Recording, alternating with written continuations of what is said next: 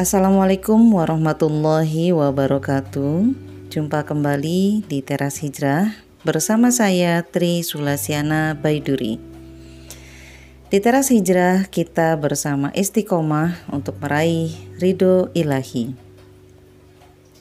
Sahabat Teras Hijrah, kali ini di podcast tentang politik saya akan membahas satu tema yaitu serius dalam beragama.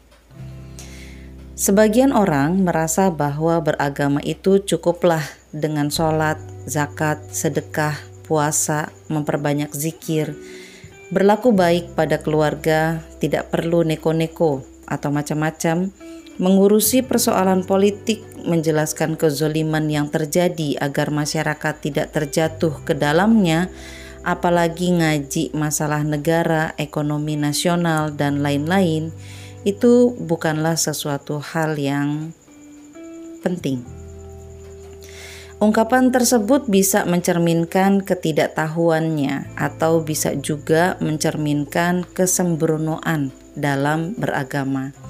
Merasa enteng saja memikul amanah agama ini, merasa bahwa dosa-dosa terkait politik, ekonomi sosial, dan yang lain-lain adalah enteng. Padahal sahabat Ibnu Mas'ud radhiyallahu anhu berkata, Sesungguhnya seorang mukmin memandang dosa-dosanya seakan-akan ia sedang duduk di bawah gunung dan ia takut gunung tersebut jatuh menimpanya.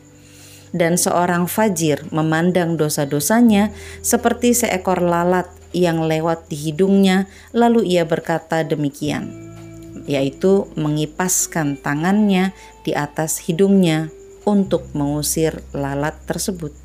Diriwayatkan Al-Bukhari dan Muslim. Lagi pula, seorang mukmin hendaknya tidak merasa selamat dengan hanya mengandalkan ibadah-ibadah mahdohnya saja. Sayyidah Aisyah radhiyallahu anha pernah bertanya kepada Rasulullah Shallallahu Alaihi Wasallam, wahai Rasulullah, apakah yang dimaksud dengan orang-orang yang mengerjakan perbuatan mereka sedangkan hati mereka takut dalam Quran surat Al-Mu'minun ayat ke-60. Apakah itu adalah orang yang mencuri, berzina, dan minum khamr dalam keadaan takut kepada Allah? Maka Rasulullah menjawab, tidak, hai anak perempuan asidik, tetapi dia adalah orang yang sholat, orang yang puasa, dan bersedekah, sedangkan ia takut kepada Allah Subhanahu wa Ta'ala. Tafsir Ibnu Katsir.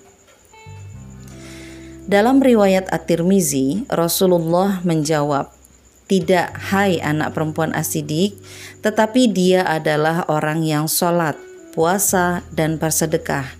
sedangkan ia takut jika amal mereka tidak diterima. Sahabat teras hijrah, apa yang kita anggap remeh bisa jadi di sisi Allah adalah perkara yang besar. Anas bin Malik radhiyallahu anhu pernah berkata, Sesungguhnya kalian benar-benar melakukan perbuatan-perbuatan yang di mata kalian lebih kecil daripada rambut tetapi kami di zaman Nabi Muhammad Shallallahu Alaihi Wasallam menganggapnya sebagai dosa-dosa yang membinasakan. Hadis riwayat Al Bukhari. Bagaimana bisa seorang Muslim menganggap remeh urusan penyimpangan penguasa? Padahal Rasulullah Shallallahu Alaihi Wasallam bersabda, akan ada para penguasa, lalu kalian mengetahui kemungkaran mereka dan kalian mengingkari. Barang siapa mengetahui, maka dia telah terbebas, dan barang siapa mengingkari, maka dia telah selamat. Tapi barang siapa yang ridho dan mengikuti, maka dia tidak terbebas dan tidak selamat. Para sahabat berkata, "Tidakkah kami memerangi mereka?" Beliau berkata, "Tidak, selama mereka masih sholat." Hadis riwayat Muslim dari Ummu Salamah. Terkait hadis ini, Imam An-Nawawi menjelaskan, barang siapa mengetahui kemungkaran dan tidak meragukannya, bahwa itu benar-benar mungkar, maka itu telah menjadi jalan baginya menuju kebebasan dari dosa dan hukuman dengan cara mengubahnya dengan tangannya atau lisannya. Dan jika dia tidak mampu, hendaklah dia membencinya dengan hatinya. Lalu, di mana posisi orang yang tidak mau tahu, bahkan jika diberitahu justru marah? Tentang hal ini, Syekh Hamad bin Atik berkata, Seandainya seseorang banyak berpuasa di siang hari dan banyak mengerjakan sholat malam serta zuhud terhadap dunia semuanya. Namun bersamaan dengan itu dia tidak pernah marah terhadap kemungkaran, wajahnya tidak pernah menguning atau pucat dan memerah marah karena Allah, lalu dia tidak menyuruh yang ma'ruf dan tidak pula melarang kemungkaran. Maka orang semacam ini termasuk orang yang paling dibenci oleh Allah dan paling rendah agamanya. Dan para pelaku dosa-dosa besar lebih baik keadaannya di sisi Allah dibandingkan orang semacam ini. Ad-Dararus Saniyah jilid 8 halaman 78 Sahabat teras hijrah tentu pelaku dosa besar yang dimaksud oleh beliau adalah yang melakukannya karena dorongan nafsu semata, bukan yang menghalalkan dan berbangga dengannya. Sementara Imam Sufyan As-Sauri rahimahullah berkata, "Apabila kamu melihat seseorang kori atau ulama disukai oleh semua tetangganya dan dipuji oleh semua teman-temannya, maka ketahuilah bahwa dia adalah penjilat atau penipu.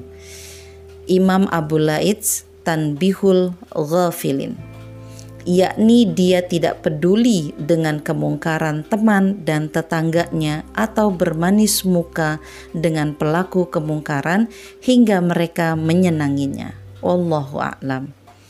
Sahabat teras hijrah, serius dalam beragama ternyata bukan hanya serius dalam ibadah mahdoh saja.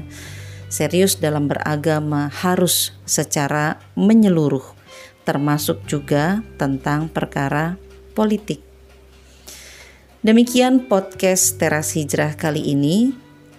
Nantikan podcast teras hijrah lainnya di episode lain di teras hijrah. Bilahi taufik wal hidayah. Assalamualaikum warahmatullahi wabarakatuh.